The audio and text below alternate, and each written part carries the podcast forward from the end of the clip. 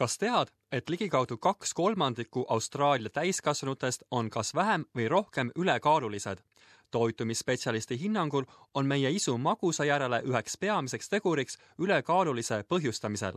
samuti tarbivad austraallased keskmiselt kakskümmend kuus teelusikatäit suhkrut päevas. seega pole põhjust imestada, miks nii paljud ei suuda tervislikus kaalus püsida. kuid kuidas vähendada suhkru tarbimist oma toidus? Inimesed on sündinud sünnipärase sooviga magusa maitse järele. juba ema rinnapiima esimene maitse on magus. see on üks põhjuseid, miks magusa isu saadab meid kogu elu. seda kinnitab ka Sydney ülikooli professor Timothy Gill.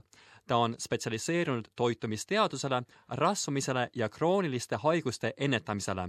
professor Gill soovitab kontrollida toiduainete märgistust tarbitava suhkru koguse jälgimiseks Uh, when we want to determine how much sugar is in a product, then we have to look at both how much sugar there is per 100 grams and the total weight we're going to be consuming. So we know generally that there's about uh, 4 grams of uh, sugar in every uh, teaspoon. So if a product on the shelf says that there is 10 grams per 100 grams of sugar in this product and we're going to be eating 250 grams of that uh, product, then you can see that's going to equate to over 10 teaspoons of sugar sugar just in that one product.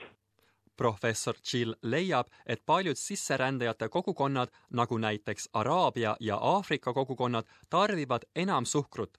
on oluline, et uued sisserändajad mõistaksid, millist tüüpi toitu nad ostavad ja milline on selle mõju nende tervisele recent migrant, when they uh, come to Australia, sometimes aren't aware of the amount of sugar that's in some of our snack products. They believe them to be healthy, they look healthy. There are things like muesli bars that seem to be good for their, uh, their health, certain biscuits and cakes that uh, seem to be made of the right sort of products, but they all contain a very large amount of sugar maailma Terviseorganisatsioon soovitab, et suhkru tarbimine peaks sisaldama ainult viis protsenti päevasest kalorite kogusest.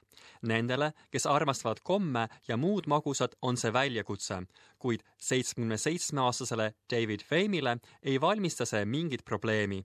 ta on elanud suhteliselt suhkruvaba elu üle kahekümne aasta pärast seda, kui tal diagnoositi diabeedi teine tüüp even two to five percent is sweet enough for a lot of stuff. You know, if you, read the, the label in packaged foods, so that's very very important. I find you know because there are certain foods, if you look carefully, can go up to forty-four to fifty percent. That means half the, the container is pure sugar, and that is actually should be avoided by people without even diabetes. Brisbane'is elav toitumisekspert Michelle Tong märgib, et Hiina kogukond eelistab küpsiseid ja kreekereid tervislikuma valikuna I guess it's, it's a yes and no depending on what crackers. Like if it's more like got a lot of seeds and grains in it, that's probably a better option. But most of them tends to choose like a sweeter version like biscuits and, and crackers. And, you know, choosing that as a snack tend to then really increase their sugar intake from that. And instead they could probably choose things like their fruit or their yogurt as a snack option rather. Dieedi- ja toitlemisspetsialist Alan Barclay, kes on raamatute Managing Type 2 Diabetes ja The Ultimate Guide to Sugars and Sweeteners autor, ütleb, et peame olema ettevaatlikud vabade suhkrute osas, mis tekitavad tühje kaloreid, hammaste lagunemist ja närimisprobleeme. Nende hulka kuuluvad suhkrud nagu tavaline lauasuhkur, riisisiirup, agaavisiirup ja ka mesi most of them have next to no vitamins or minerals or dietary fiber, so they're just providing energy. And as we get older, generally we're less active and we lose muscle mass. There's this concept called sarcopenia where our, our muscles decrease and organs decrease. So we have to make sure that the foods and drinks that we have are more nutritious, otherwise we're going to put on weight. And that in turn, if we gain too much weight, can increase the risk of things like type 2 diabetes and heart disease. Samuti on oluline meeles pidada, et looduslikud suhkrud, mida reklaamitakse tervisliku valikuna, on endiselt ikkagi suhkur. Alan Barclay viitab mee- ja toorsuhkru tarbimisele.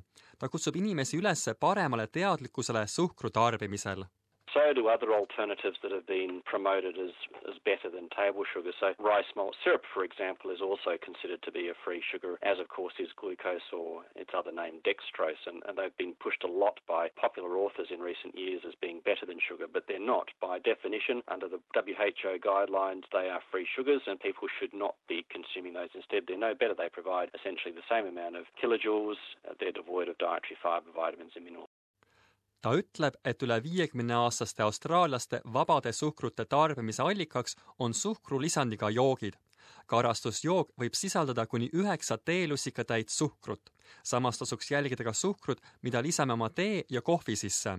ta soovitab kasutada pigem kunstlikke magusaineid, mis on lihtne ja efektiivne viis suhkru tarbimise vähendamiseks. see soovitus kehtib ka küpsetiste valmistamise osas Buy not only the pure intense sweetness, but there's actually a couple of really good blends on the market as well that are half sugar and half intense sweetener. Uh, the latest one's containing stevia. And they're really good for, for cooking or baking because, of course, sugar not only provides sweetness, but it adds bulk and, and it browns the foods and gives it nice texture. So by using these blends, they're usually about 50-50, you can still get some of the textural benefits of the added sugars, the free sugars, but you're not having anywhere near as much calories there. Te võite valida puuviljamahlade joomise tervislikuma valikuna, kuid Michelle Tongi ei kinnita seda arvamust. puuviljamahla joomisest parem valik on puuvilja enda söömine, milles sisaldub juba looduslikku suhkrut. ta soovitab, et inimesed sööksid päevas üks kuni kaks puuvilja With regards to the juice, it is, if you think about it, quite concentrated. Um, so probably take a little bit more fruit to make a glass of juice. So, for example, a glass of juice, you may need about, you know, three oranges to make the actual juice in a glass. Whereas if someone is to sit down and have a piece of fruit, they may not have three oranges in one go. professor Timothy Chill sõnab, et inimesed peaksid oskama eristama lisatud suhkrut ja looduslikku suhkrut because we don't want to encourage particularly older adults who have a very poor intake of fresh fruit and vegetables to be reducing their intake of fruit and vegetables on the belief that they contain sugar. Mis puudutab David Femmi, kes on elanud kõik need aastad ilma magusata, siis tegelikult elab ta täisväärtuslikku elu, milles nii tervislik toitumine kui ka aktiivne eluviis. iga nädal käib ta joogaklassis ja kahes lauatennise ringis, samuti toimetab ta oma ühe ja veerand aakri suurusel kinnistul You can have sugar, you can have carbs if you're constantly moving and having exercises. You'll find your sugar level won't be high because it will be burnt off. Et tervislikumast toitumisest enam teada saada, külasta Diabetes Austraalia kodulehte aadressil www.diabetesaustralia.com.au